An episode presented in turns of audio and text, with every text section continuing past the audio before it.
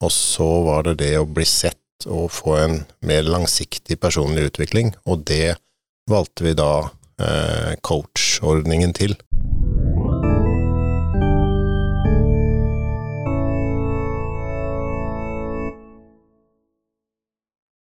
Velkommen til en ny episode av Egderøret, podkasten vår her i Egde. I dag så skal vi snakke om en uh, morsom ordning vi har uh, som er litt unik her i Egde. En uh, coachordning. Og med oss rundt bordet i dag så har vi meg, som heter Øyvind Brekkhus Sandåker. Jeg jobber med litt sånn utvikling og sånn i Egde. Og vi har Renate, som jobber med Eh, rekruttering og onboarding i Egde. Og Håkon, jeg er eh, prosjektleder i Egde. Og Gøran, som er daglig leder i Egde. Det er jo en eh, flott gjeng her. Eh, Håkon ble invitert, eller inviterte seg sjøl, men i hvert fall bak, noe av bakgrunnen til at uh, han er her, at han er en av de mest rutinerte coachene vi har i Egde. Og hva er en coach i Egde, Håkon? sammenligna med en coach en annen plass? Har du tenkt noe på det? Jeg har ikke så veldig mye erfaring med coacher andre steder, eh, som type PT og den slags, men eh, jeg kan jo si litt hva en coach i Egde er, eh, i hvert fall. Det er altså Altså, vi har jo denne ordningen i Egde hvor vi har en flat struktur. Vi har kun én personalansvarlig. Og etter hvert som vi vokser, så er det litt for mange ansatte å, å rekke å håndtere for den ene. Det er altså Gjøran. Så da har vi heller eh, en coachordning hvor eh, de ansatte kan få velge seg en coach blant de som har stilt seg disponible til å være coach. Vi skal da veilede de ansatte vi er coach for, være til bistand i både personlig og faglig utvikling. Vi skal sørge for motivasjon i arbeidet og trivsel i Egde. Um, jeg nevnte fag. altså Vi skal ikke være en uh, faglig ressurs for dem, vi skal veilede dem på veien. I en sånn uh, uh, flat organisasjon som dette, så hva, hva slags tanker gjorde dere når dere starta med coach? med det hierarkiet der, eh, Gøran? Det var jo Vi hadde en workshop eh, ganske tidlig med alle i Egde, hvor vi liksom Hvor vi diskuterte Prøvde å belyse hva er det den som ansatt, da. Hva er det Hva er det som er best for meg? Og da var vi selvfølgelig innom en organisasjonsstruktur som var mye mer tradisjonell, med ja, seksjoner, skråstrek, avdelinger. Og så uh, fant vi ut det at det som egentlig betydde noe for hver enkelt, det var en faglig utvikling uh, og en personlig utvikling. og at man egentlig da ikke hadde noe behov for en tradisjonell struktur hvor det var en eller annen leder, en mellomleder, da, som skulle vite alt. Fordi at hvis man ville ha innsikt i hva som skjedde på salg, ja, da gikk man til de som jobba på salg. Hvis man var, ville ha innsikt i økonomi, ja, da gikk man til CFO, osv. Eh, og det, i forhold til å være en kompetansebedrift, så var vi veldig sånn tydelige på det, og da, da diskuterte vi og, og delte oss inn i grupper, workshopa en del, og hadde og kom fram til egentlig to dimensjoner da, som vi har som hoveddimensjonene våre i dag, og det er jo faggruppene hvor du liksom skulle få den faglige biten. Og så var det det å bli sett og få en mer langsiktig personlig utvikling, og det valgte vi da eh, coachordningen til. Og så var det ganske tøft i det vi gjorde fordi at eh, sånn som Håkon var inne på, så, så bestemte vi oss for at det tillitsforholdet som da er mellom den ansatte, som vi av og til kaller coachee, og coachen, det, eh, det var det den ansatte som skulle ha kontroll på, på et vis. Så derfor så bestemte vi oss for at den ansatte skulle velge eh, sin coach, blant da, sånn som Håkon var inne på, et antall coacher, da, som vi da har økt, eh, økt i Egde etter hvert som vi har vokst. Men den Det var nok litt rann, kanskje sånn tilbake til den ja, skolegården i fjerde-femte klasse når de skulle velge fotballag eller et eller annet sånt noe, ikke sant. Så det var nok noen av de som var tøffe nok til å si jo, men jeg vil være coach, eh, som da følte litt på det, da. Eh, og så prata vi om det, og var veldig sånn bevisst på at eh, det vil være skeivt til å begynne med, og så vil det etter hvert gå seg til, og det, det har stemt, da, sånn sett. Mm. Jeg var jo en av de som eh, var på en måte tilskudd eh, i ordningen, eh, men ganske tidlig, da. Eh, meg og noen få andre utover de som var i ledergruppa. Og jeg sto litt der sånn, blei sist valgt, på en måte, eh, men eh, det har jo absolutt gått seg til. Eh, og nå er jeg coach for syv ansatte, som jeg har jevnlig oppfølging med. Og så har vi i tillegg de nyansatte, som da får tildelt en fadder. Så jeg har også vært fadder for mange opp igjennom. Det er jo litt av den utfordringa som vi da eh, som vi da så, og den, den har, skapte vi oss sjøl, da, ved at eh, den ansatte skulle velge. Så var vi også veldig bevisst på den, den, Idet du begynner i en jobb, så, så kjenner du jo ikke eh, organisasjonen, du kjenner egentlig ingenting.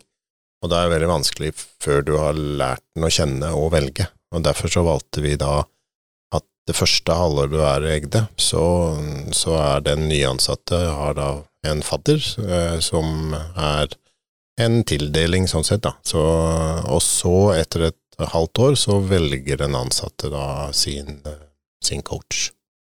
Åssen, eh, sånn med tanke på nyansatte og sånn, åssen reagerer du, Renate, i eh, rekrutteringsarbeid, håper jeg å si, og sånn eh, ja, HR-arbeidet generelt, på en sånn annen måte å organisere en organisasjon på, da? Hvordan reagerer folk når de kommer på intervju, for eksempel, eller? Det oppleves veldig positivt.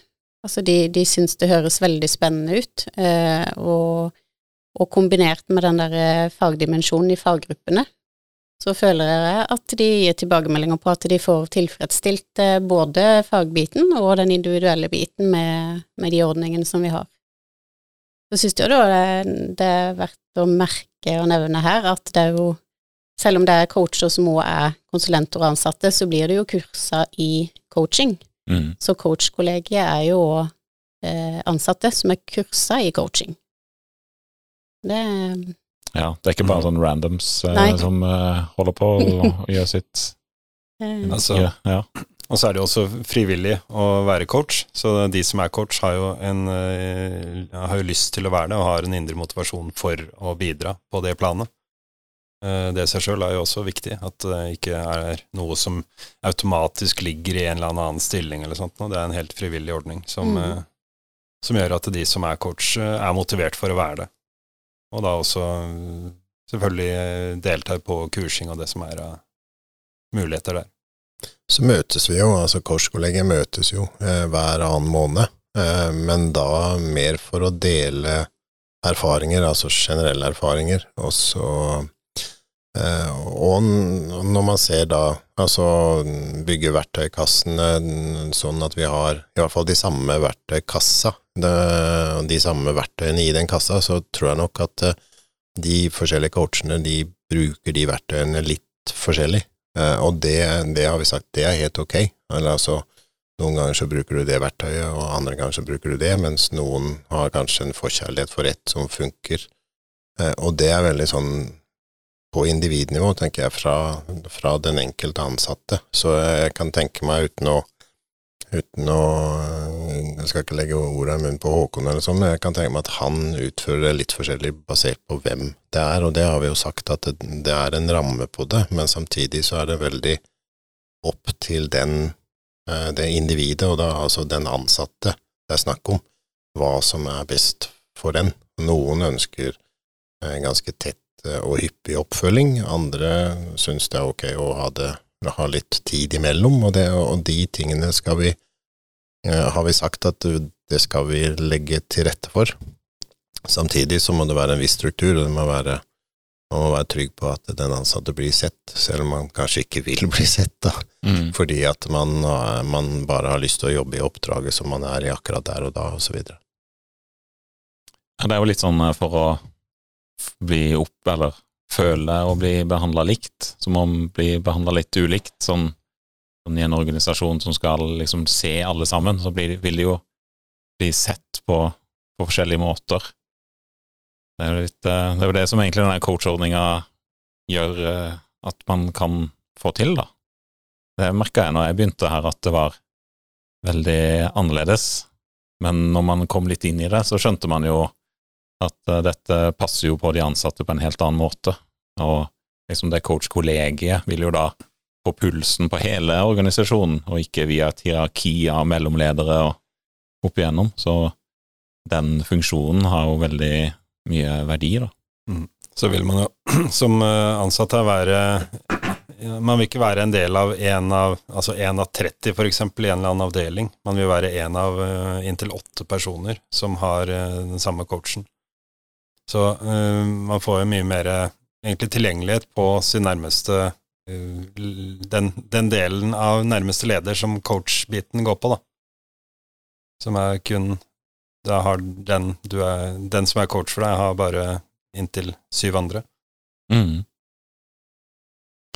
Hvordan er det med eh, når du sier at man får opplæring eh, som coach og sånn?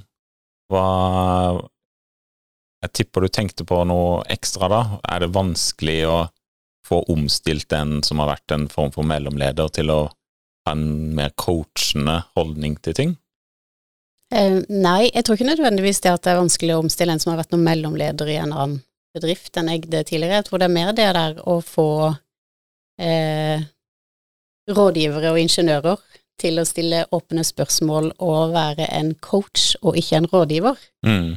Det kan nok være vanskeligere å, se forskjellen på at man skal være en motivator og en som er pådriver til den man coacher, til å sjøl sette i gang tankeprosesser med hvor man vil og hvor man vil utvikle seg, Mm. der man veldig gjerne har lyst til å bare gå inn og rådgi. Mm. Jeg tror nok det kan være den største utfordringa med, med de som kommer fra veldig tydelige ingeniørbakgrunn og har lyst til å inn og rådgi meg en gang. Mm. Det kan nok være større utfordringer enn nødvendigvis sånn organisatorisk hvor man har vært tidligere. Det er nok veldig riktig. Jeg kjenner jo at eh, sånn den coach-greia vi har her, er jo litt sånn Skal ikke måles så mye. Eh, skal heller føle på eh, Ja, jeg vet ikke, føle på rommet på et vis, hvordan det er, og liksom Og det er ikke så veldig ingeniørretta. Så eh, jeg kjenner også det at eh, skulle gjerne hatt noen målinger hvis jeg skulle coacha på en sånn nerdete måte. Så er det om å gjøre å heve seg litt der, og så la tankene flyte litt i stedet. Mm. Det er litt godt òg, da, istedenfor å bare gå etter de der målegreiene. Da kan det være at du kan få gravd nedi noe som, som er godt å snakke om, som kanskje verken eh, den som blir coacha og coachen egentlig har tenkt på. Mhm. Vi kjører mer i forhold til målinger, så er det klart eh, at vi måler jo, vi òg, som vi har pratet om i andre podkaster også, men, men i det tilfellet her, så måler vi jo mer på temperaturundersøkelse som er på hele organisasjonen, eh, men som også belyser faglige ting, og det belyser jo personlig utvikling, det belyser jo coach-ordningen og sånn også, og så er det jo mer å bruke det som utgangspunkt for å få en god, en god samtale. Og jeg, jeg tror noe av det som, i hvert fall fra tidligere, som eh, når man hadde type andre organisasjoner hvor man har hatt en medarbeidersamtale og, og sånn, og så, så er for jeg personlig så har jeg opplevd at veldig ofte så er det, til syvende og sist, så er det blir det for stor fokus på å fylle ut et eller annet skjema, om det er et Excel-ark eller et eller annet annet skjema, så blir, man, så blir den som i det tilfellet er en coach, da, eller en, en leder kanskje i en annen organisasjon, da, så blir man så fokusert på at det skjemaet skal fylles ut, at man, man distanserer seg litt for den samtalen som egentlig man ønsker å ha, og, og knytte de båndene som man ønsker å, å knytte da, med den ansatte. Ja, det, det var vi veldig tydelige på eh, i, i starten av den ordninga her, at vi ikke skulle ha det skjemaet. Og nettopp det å ikke ta oppmerksomheten vekk fra, fra samtalen. For det er det vi prøver å fokusere på i, i den coaching-delen, at vi, vi får en god samtale. Eh, Coach må stille åpne spørsmål. Det skal ikke være rådgiver eh, og den som har svara, men å stille heller de rette spørsmåla og få få den som blir coacha, eh, til å tenke hvor, hvor den vil, hvilke mål den skal sette seg. Eh, og så kan man heller jobbe med veien dit på en mer sånn dialogbasert måte enn at det står eh, 'skriv opp dine tre viktigste mål'. Det blir så veldig mekanisk. Men eh, ved å ikke ha det skjemaet, så får man mer en eh, dialog og flyt i, i samtalen, og, og dykker nok, som Gøran sier, dypere ned i materien. Da. Eh, på den andre siden så er jo eh, faren her at de samtalene eh, kan skli veldig ut og dreie seg om eh, fotball og alt mulig annet. Eh, så også, vi jobber jo også med å prøve å finne den der gylne middelveien, hvor man har den frie samtalen, men samtidig vise en, en, en viss struktur. Og det, så der blir vi jo stadig bedre som, som coach-kollege, og går mer i samme retning, da. Da har vi jo den verktøykassa som Mm. vi kan hente frem i samtalene, som, eh, som vi bruker. Ja. Og så tror jeg, tror jeg den, når vi hadde den én-til-én, hvis vi- den, eh, det som vi har vært igjennom, så kan det se ut som det blomstrer litt opp igjen akkurat eh, nå når det gjelder korona og så videre, men, men da også så spilte vi jo veldig mye på det, og da hadde vi vi hadde, vi satt jo alle på hjemmekontor, og det var egentlig bare én mulighet for å møtes, og det var ute. Og, og da, opp, da var det noe av det som vi pusha egentlig coachkolleger, at eh, siden vi sitter så mye på hjemmekontor og på hvert vårt eh, hver, ja, hjemme, så, så når dere har disse coachsamtalene, se om dere kan møtes og gå en tur i skogen og prate, eller gå et eller annet sted som, liksom hvor det ikke er så mye mennesker. Da. Og det og, og det øh, førte jo til blant annet øh, ja, flere som, øh, som da kanskje hadde hvor eh, den ansatte kanskje bodde i, i Mandal, og så var coachen eh, bodde i Arendal, og så endte det med at de gikk seg en tur, men sammen, men på hvert sitt sted. Men allikevel, da, men allikevel så ble det, ikke sant, du du kommer ut, og du får litt frisk luft, og så videre, og så videre, og så tilfeldigvis så går man ikke da ved siden av hverandre i det tilfellet der, da, men man går og prater med hverandre likevel. Og, og det, så det kom en del sånne ting som, som jeg tror hadde vært mye vanskeligere å få til hvis man hadde hatt en, en mer tradisjonell organisasjon, da, med x antall i en seksjon eller et eller annet sånt, for da har man nok tenkt mye mer eh, i den boksen. Jeg fikk meg også flere turer ut sammen med de jeg har vært eh, coach for. Jeg har vært eh, på Hasseltangen og Kalvagnes og Odderøy og flere steder. Så det, det var veldig fin anledning til å komme seg ut òg, i den tida vi var eh, hjemme hele tida. Hva, hva, hva tenker du rundt eh, hva det gjør med kulturen i Egde? Ville den vært, eh, eller ville jo ikke vært det samme, men hva gjorde dere noen betraktninger rundt det når dere starta opp det? At eh, jeg ser jo at å ha sånne små agenter ute i mindre grupper vil jo hjelpe med å få litt mer pulsen på selskapet. Så hvordan hjalp det med å bygge kulturen? Kjente dere noe der når det var liksom ferskt selskap, eller var det noe Tenkte dere, tenkte dere noe på det? Jeg vet ikke om jeg skal skryte på oss at vi tenkte voldsomt langt på det, men vi tenkte jo på det i forhold til at vi bevisst valgte å ikke gå for en tradisjonell eh, struktur med et, eh, noe forretningsområde, avdeling, seksjon eller grupper, den type struktur. Eh, så, men, men den eh, Når det er sagt, så, så er nok veldig mye av det den åpenhetskulturen, det at du skulle føre en Ja, du skal føle en tilhørighet, det at du skal bli sett, videre. Alle, alle disse myke verdiene som egentlig lå veldig mye i det der, der og ja, motivasjon, og en, mye mer en indre motivasjon enn en, en, en ytre gulrot og pisk, da. Det, det var vi jo veldig bevisst på til å begynne med, og så, og så valgte vi jo dette for å også litt sånn utforskende òg. Vil det fly, vil det funke? Og så har vi jo sett at eh, ja, det har gjort det, og to, det har også vært med å, å skape den, den kulturen som vi, som, vi, som vi var bevisst på at vi ønska å skape. Da. Eh, Og vi ser jo det også i, eh, i når vi intervjuer, og særlig type da hvis du kommer i, i annengangssamtale eller sånn, så, så er jo det noe av det de trekker fram. Liksom hvis, hvis Renate har et sånn standardspørsmål, og det er ja, hva husker du fra forrige intervju, er det noe du lurer på, og og da er det jo den faggruppene, men så er det der å velge seg sin coach, og liksom at man har en, en annen tilnærming til det å følge opp hver enkelt, da. Det, det sitter, og det er sikkert fordi at det er veldig forskjellig, da. Det blir, det blir sånn 90% av tilfellene så er det det som blir kommentert da, i samtale to. Coachordninga, ja, den husker jeg godt.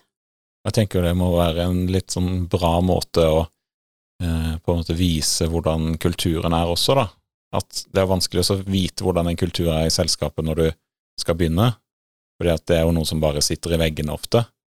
Men eh, når du da liksom hører om den coachordninga, og den har funka en stund, egentlig hele livet til Egde, så, så, skjønner du kanskje litt av kulturen, at, eh, at, at, det er sånn det er her, da. Så det eh, Ja, så stoler du kanskje mer på at det er en ting, ikke at det bare er en sånn skrytegreie.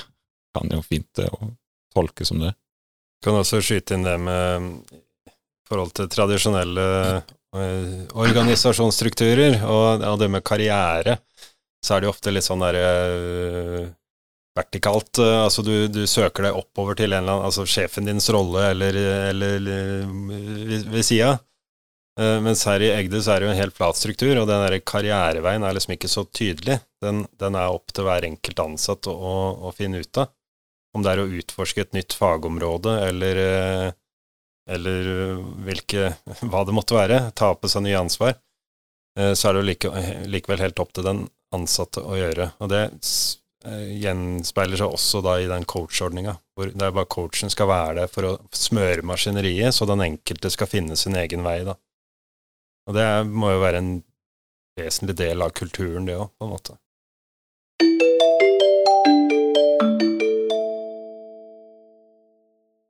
Åssen eh, Når Egde er bygd opp sånn som det er, sånn eh, sånn lovmessig, håper jeg å si, i Norge. Man snakker snakke om eh, medarbeidersamtaler og liksom Er det noe Er det noe vi nesten Er det noen forventninger, sånn ytre forventninger til Egde som vi kanskje ikke oppfyller, men vi oppfyller på en annen måte? Sånne lover og regler? Har du Eh, nei, vi oppfyller de gjennom coachordninga med den medarbeideroppfølginga, eh, og i tillegg til å ha en med et øverste personalansvar. Så sånn sett så er jo arbeidsmiljøloven og, sånn oppfylt med mm. krav til medarbeideroppfølging. Det er bare det at vi har valgt å fordele det ut på coacher og ikke mellomledere. Mm. Så sånn sett er loven ivaretatt i aller høyeste grad. Ja. Mm. mm.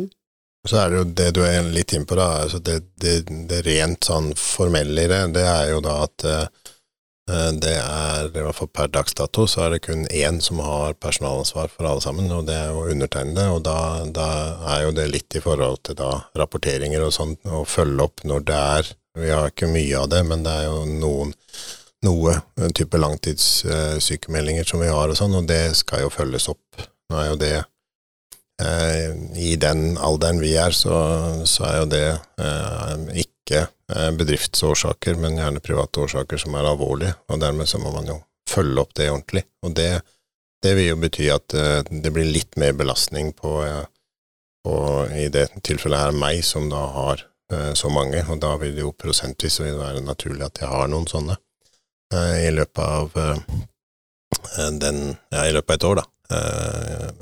Men det som, det som, er viktig for oss, er jo at den enkelte blir sett, og den blir fulgt opp tett, og det gjør man via denne coachordninga, og så dekker vi inn en del av de andre tingene som er veldig sånn ja, som er, er lovpålagt. Det dekker vi jo da egentlig litt med andre roller, men, mm. men vi dekker alt. Det er ikke noe fare for det. Eh, det som eh, vi, Renate og jeg var akkurat på et sånt arbeidsmiljøseminar som var i regi av Grimstad næringsforening, og det var litt det, var, det, som var interessant å se der, det var De hadde liksom noen sånne kalde, det jeg ville kalle kalde punkter som man bare må gjøre. Og så hadde man to sånne veldig sånn tydelig mye mer varme, og den ene var da som, som vi også har ganske mye krav på, da, og det er jo personlig og faglig utvikling. Og det tar vi jo veldig eh, seriøst og jobber veldig mye med i faggruppene og i, i coachordningen. Også de mer, jeg kaller det litt, mer sånn kjedelige og kalde tinga som, som bare må gjøres. Eh, det er vi selvfølgelig bevisst på at vi gjør, men det er det da et fåtall av oss som som håndterer, da. For det er ikke der du, skal, det er ikke der du skaper noe, men det er, du, det, det er jo en trygghet i det, for at du skal jo følge alle lover og regler som man, man er pålagt. Men utviklinga av hver enkelt, det skjer jo i coach og i fadderdimensjonen. Ja, og det er jo litt sånn de der varme greiene, det er jo det jeg føler at coachordninga bare er mye bedre på enn en litt sånn eh, annen type eh, organisasjonsstruktur. Så det er jo noe som som egentlig jeg tror flere burde tenke på, hvordan man kan kanskje adoptere noe av dette for å styrke det, og få liksom samtalene i gang. For det er sikkert mange som eh, eh, ikke har det så greit av en eller annen grunn. Det kan være både faglig, men også sosialt, eller et eller annet sånt. Og det er jo liksom å få litt sånn tillitsforhold på en annen måte med noen, som man kan kanskje ikke bruke som en psykolog akkurat, men en, nesten noen ganger. Det kan være en god ting. Uh, virkelig uh, Virkelig fått øynene opp for uh, det en coach kan bringe med å få en coach i Egde. Ja, så tror jeg det å under, altså, bygge opp under, da, når det er noen som har noen ideer eh, og har lyst til å gjøre et eller annet, eh, så, så, er vi jo veldig Vi er jo veldig eh, på å, å, støtte og heie på sånt noe. Altså, vi er mulighetsorientert. Vi er veldig mulighetsorientert i salg- og markedsdimensjonen, eh, men vi er veldig mulighetsorientert andre steder òg. Så typisk hvis det er en ansatt i kanskje en coachsamtale, så, så sier han du, jeg er veldig interessert i kajakk og liksom det. Ja, men, ja, men ta og prat med Fortell det til alle i Egde, da. Kanskje det er flere som som er interessert i det, og så plutselig så er det en gjeng da som tar uh, vått kort, var det ikke det det var, eller noe sånt. Og så er det noen som ja, men jeg er veldig interessert i å klatre, og så ja, men ikke sant, og så plutselig er det 20 stykker på klatrekurs, da. Så, og det, og det tror jeg det jeg, i, i, Min hypotese er at uh, det kommer veldig mye via det coach-miljøet uh, vårt, og at folk heier det fram. Og så er det selvfølgelig, kommer de til meg og spør, eller kommer de til noen andre i ledergruppa og spør, så heier vi også, men jeg tror det der, der at det, det, gror så mye nedenfra, eh, og i organisasjonen, det, det, og det er gøy å være med på. Kjempegøy å være med på. Jeg tror det er så lite som også skal til for å eh, Hvis noen, eller en jeg er coach for, kommer til meg og så spør jeg syns det er gøy med legobygging, og da, hvis jeg da kan si ja, men sikkert flere som har lyst til å lage en eller annen svær legofigur sammen på kveldstid, eller et eller annet sånt, og liksom bare at noen dytter de lite grann. Det har, så, det har så mye å si for sånne små initiativ, og som kan bety veldig mye for uh, mange, da. Mm. Nå er kanskje ikke Lego det viktigste for, men det er jo det er veldig viktig for noen. da. Jo, men vi sitter jo i et rom hvor, eh, som tilfeldigvis heter Lekerommet, og hvor det er en x antall sånne fatboys, og vi har litt uh, spill og sånn, og det er jo det samme der, ikke sant. Og uh, det kommer en Hans for, for en stund tilbake, og, og så Ja, men HoloLens, det, det, hadde vært kult å se inn på. Og så, og så vet vi jo at det, det, det kan brukes i mye av det som vi som vi driver med, kanskje innenfor e-helse som ett et område, men, men, det er bare den der nysgjerrigheten, og det å da pirre den, og så få lov til å si ja, men ja ja, vi kjøper inn et sånt sett, da, og så, og så kan litt forskjellige leke med det, og så se om det om én er det gøy, og det er det jo, og to er det noe det kan brukes til, jo, det kan faktisk brukes til en del ting òg, men, mm. men, bare det der, der å, å ja, bygge opp under den der, der det, det det er jeg helt overbevist om at det er veien å gå videre. Og det er jo en del av det coachrollen går i, å heie på den type initiativer, da, og, og hjelpe med å motivere fram den slags. Man trenger jo ikke være glad i Lego sjøl for å ta det ta den, eh, kan jeg kalle det en analogi, da. Eh, Jeg trenger ikke være interessert i å leke med Lego sjøl, men du kan eh, heie fram det initiativet og oppfordre til å, til å skrive på Workplace, eksempel. Hei, jeg har lyst til å få samla en gjeng, er det flere interesserte? Og så eh, får man den magien i Egde til å skje, da, med at eh, flere hiver seg på. Og så tenker jeg det at når den der, når de eh, da det kommer på Workplace, da, så er det liksom ja, vi skal ha legokveld i kveld, eller type en fredag, eller neste torsdag, eller whatever. Så, så plutselig så ja ja, men jeg er jo ikke kjempe liksom frik på Lego, men uh, alle har jo bygd Lego, så jeg liksom ja, neimen kanskje, kanskje jeg bare skal være med, og så bygge noe jeg òg, og så ja, og det får du også, da. Det er jo liksom ikke, det er ikke bare hardcore Lego-fans som kommer da, det er jo de som ligger i randsona og sånn òg. Og så blir det en snakkis, og så kanskje det blir enda en gang, og så, ja. Som et eksempel igjen, da. Mm. Nei, vi må få en legokveld. Ja, tydeligvis. Når vi inviterer Tommy og Janne, tror de kan battle ut noe Lego-greier. Eh, Men litt eh, med det med å ikke nødvendigvis være eh, Ja, ikke like Lego nødvendigvis, men heie det fram, eh, kan jo sammenlignes med det å ikke kjenne faget til den du er coach for. For det er også vesentlig med den ordninga at vi ikke At eh, jeg skal ikke kun være coach for de som er prosjektledere. Eh, Det kan være fra hvilken som helst eh, faggruppe eller fagområde her. Eh, Så en går på tvers av det, og man må coache de på, på det Altså trivsel i, i dag-til-dag arbeid, eh, motivasjon for å gå på jobb, motivasjon for å utvikle seg, eh, og, og se på mål på hvor en vil, helt uavhengig av hvilket fag eh, den kan, den du er coach for. Og jeg er coach for både de som, eh, som er prosjektledere, men også coach for utviklere og andre som jeg ikke kan så mye om, da. Men da er det jo å prøve å gjøre det så generelt som mulig, og heller oppfordre den du er coach for, til å, å ta kontakt med faggruppa. Eh, hvilke kurs er det, hvilke, eh, hva er det som er hot nå? Hvilke det Asher eller Amazon jeg skal ta? ikke sant? Jeg, jeg trenger ikke å kunne så mye om det, men bare å, å trigge de derre Ja, ja. Å få uh, engasjert uh, coachee inn i fagmiljøene istedenfor. Det er Kubernetes som er hot Ja, nå. det tror jeg Ja, ikke. det stemmer, det er ikke tvil om det.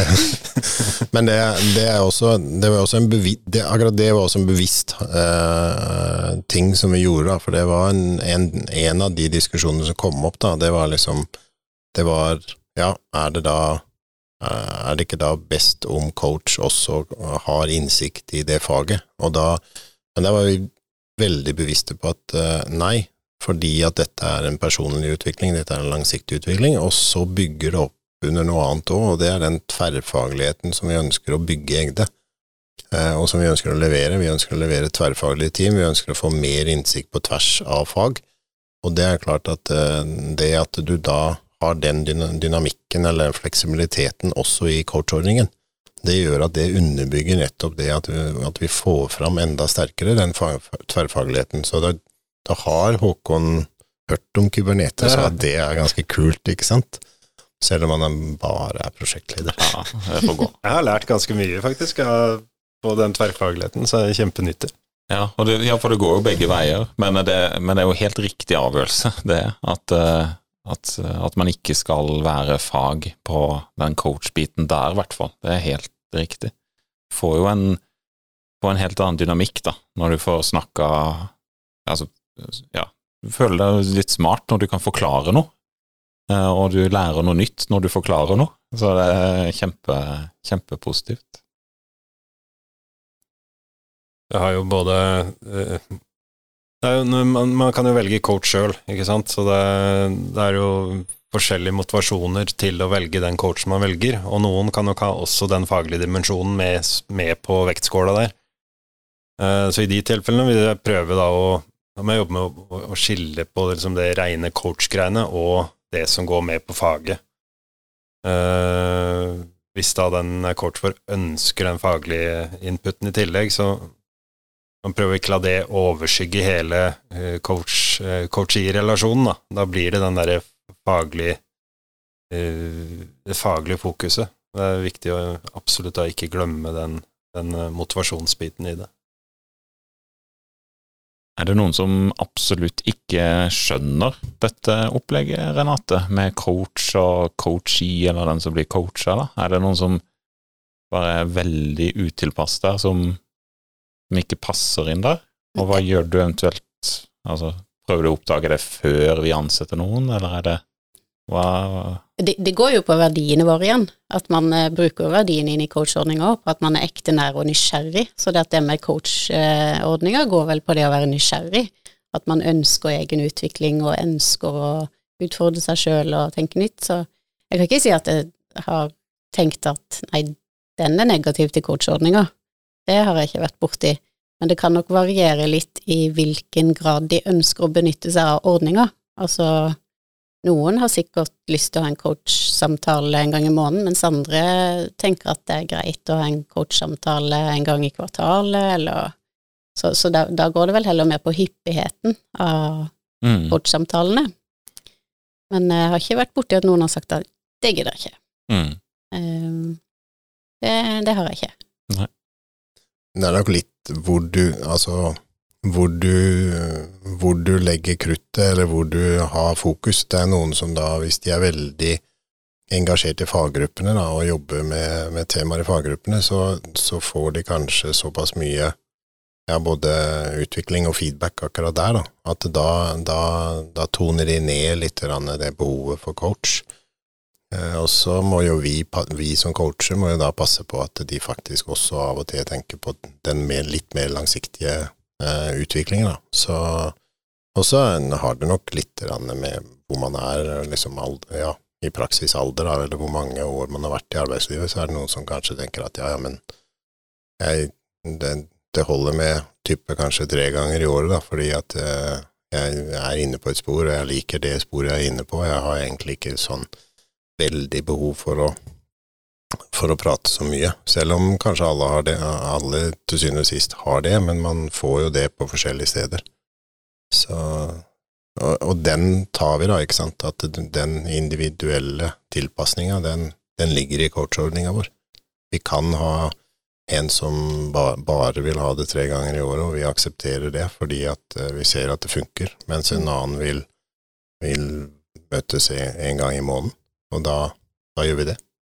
Kanskje ikke bare hvor man er i alder, men hvor man er i oppdrag òg, eller mm. lengdeoppdrag. Altså vi er jo konsulenter som er mm. utårskunder, og en har kanskje vært to år hos samme kunde. Og da er det viktig å ha denne touchbasen, ikke bare med egdetreff og faggruppetreff, men òg med coachen sin, da. At, eh, at det òg blir en sånn inn til, til egde. Ja, for det er jo veldig lett sånn oss som konsulenter å føle mer tilhørighet til der man er ute i oppdrag. Eh, og det er jo coachordninga veldig bra, i en sånn, eller også der, i en sånn der eh, konsulentbedriftsetting, mm. hvor, eh, hvor, du har den der touchbasen og du liksom åpner for spørsmål og litt sånn, får litt drypp fra ja. hva som er blitt tatt opp eh, av og at, andre. Og. og at ikke det er sånn fast at det er opp til de coach og den ansatte sjøl å velge tidspunkter og når det passer, og ja, det er jo veldig kan. fleksibelt. Mm. Og så er det jo med på um, det, det, er jo en arena hvor en kan uh, Altså hvis man er lenge, uh, lenge, i oppdrag hos en kunde, gjør det samme. Uh, man kommer kanskje inn og er ukjent med oppgavene. Man lærer seg de, og så gjør man de, og så gjør man de, og så gjør man de, og så gjør man de. Så går, gjør man det samme evigheter, og føler man på en måte har stagnert litt. Da er jo Egde har jo masse kunder, masse fagområder, så er så mange muligheter til å bytte oppgaver. Uh, og coachordningen er jo da en fin måte å kunne komme inn på det at hei, jeg er faktisk lei av det jeg gjør nå. Istedenfor at den, eh, den møter veggen, går lei, slutter i Egde. altså, så kan man komme inn på de mulighetene som faktisk ligger hos andre kunder innenfor andre fagområder, og jobbe med de motivasjonene man ønsker rundt det. Og at uh, den ansatte faktisk tør å si fra hei, jeg er litt lei nå, kan vi se kanskje en annen jeg det kan gjøre den jobben jeg gjør hos den kunden, nå. kan jeg heller Jeg har mer lyst til å gjøre noe annet inn på et annet fagområde. Og sånn som alle andre ting, så hjelper det jo å snakke om sånne ting. Og da er det sånn, Det kan jo godt være at en løsning er å bare snakke om det, og så kan det jo være at du skjønner hva du holder på med på en annen måte, som Ja. kanskje gjør at det er gøy igjen. Det, er jo- det, er, og det er så mange utfall da, når du begynner å snakke om det, så du liksom bare ha muligheten til det, og liksom en som er litt sånn upa... Eller så føler oss coacher skal være litt sånn upartiske eh, mye, for å liksom være mulighetsorienterte. Det, det er morsomt å ha en sånn agent ute fra, hvis du tenker litt sånn or, gammel organisasjon, men fra ledelsen, en liten agent ute som planter noen frø og jobber litt med de ansatte på en sånn menneskelig måte, da.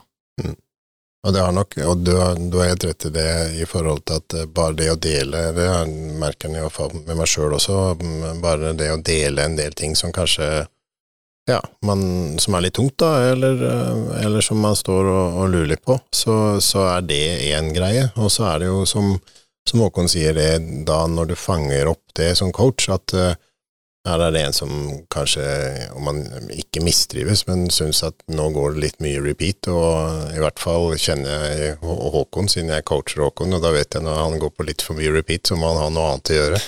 Så, så, og, og det tror jeg gjelder mange, da. Og da fanger man opp der, det der, men, men det som også er litt viktig også, å, å få med seg her, da, det er jo at uh, det er en én-til-én-relasjon der, og, og coachen skal kanskje da mer oppmuntre den ansatte til da å ta et initiativ selv, eh, i det tilfellet her da, overfor bemanningsfunksjonen vår, og så si at eh, du, nå, nå har jeg lyst til å, noe annet, og jeg har lyst til sånn og sånn.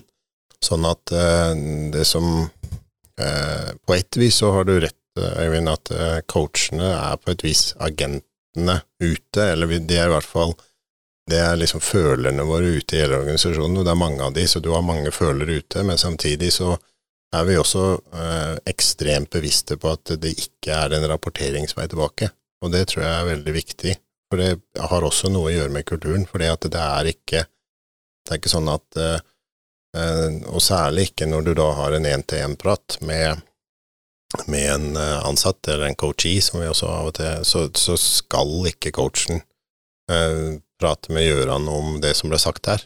Eh, Det som diskuteres i coachkollegiet, det er de generelle tinga, og liksom ja, men sånn gjorde jeg det, det, sånn brukte jeg det verktøyet, og det, liksom, det funker, og så videre, og så videre.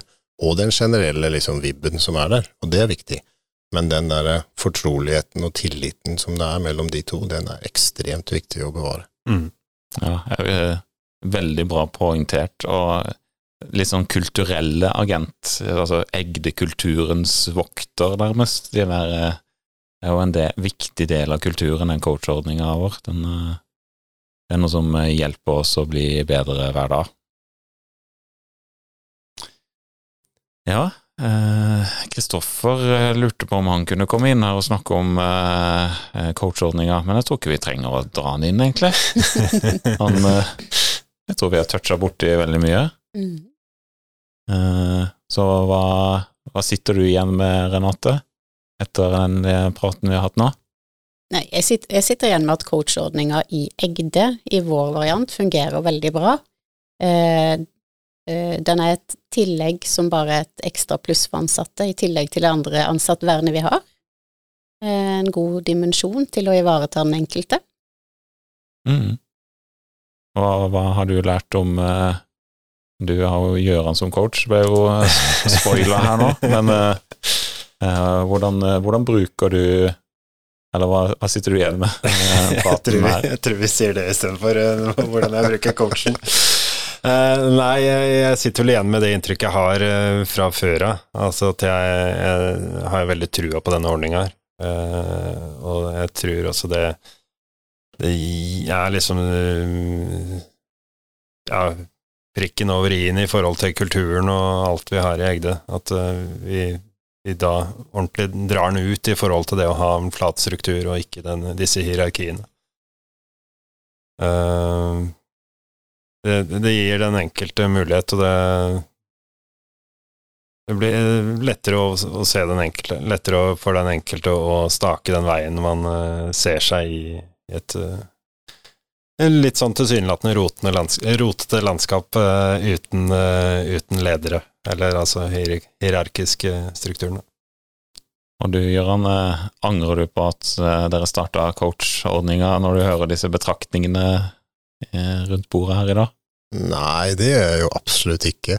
Eh, og jeg tror nok det, det Det som er sagt, det er veldig mye av essensen. Altså, jeg tror det både det På et vis så måler det kulturen, men på et annet vis så er det også en kulturbærer i seg sjøl, som gjør at vi bygger den kulturen som vi, eh, som vi har, og som vi ønsker å videreutvikle. Jeg tror den er veldig godt ivaretatt i coachordninga, i forhold til at det er så sementert i forhold til eh, verdiene våre, ekte nær nysgjerrig. Det er en, en fokus på enkeltindividet og den personlige utviklinga den enkelte har. Og så er det jo, sånn sett, så er det en litt sånn litt sånn vib eh, totalt sett for hellegde, men også for den enkelte. Og, og liksom catche at ja, men nå, nå, nå kanskje vedkommende burde få selv, selv om ikke, den enkelte sjøl, ikke, ikke har den at jeg trenger, jeg trenger å ta enda et steg, så kan det godt tenkes at coachen senser allikevel at nei, men nå, nå må du liksom, nå skal du ta et ekstra steg, da. Så nei, jeg er kjempefornøyd, og, og, og så er det klart at det er også en av de tingene som gjør oss unike. Eh, Men det er ikke derfor vi gjør det. Vi gjør det fordi at vi har steintro på at det her er rette måten å, å bygge selskapet videre på. Mm. Bra, godt, eh, gode avsluttende ord. Så da gjenstår bare å takke for eh, oss, og så høres vi igjen om en uke her i Egderøret. Finn oss på alle plattformene du hører på podkast. Eh, og ha en eh, god fredag til oss her. Eller god helg, som jeg pleier å si. God helg. Det var veldig Skal vi ta i. Ta det bra.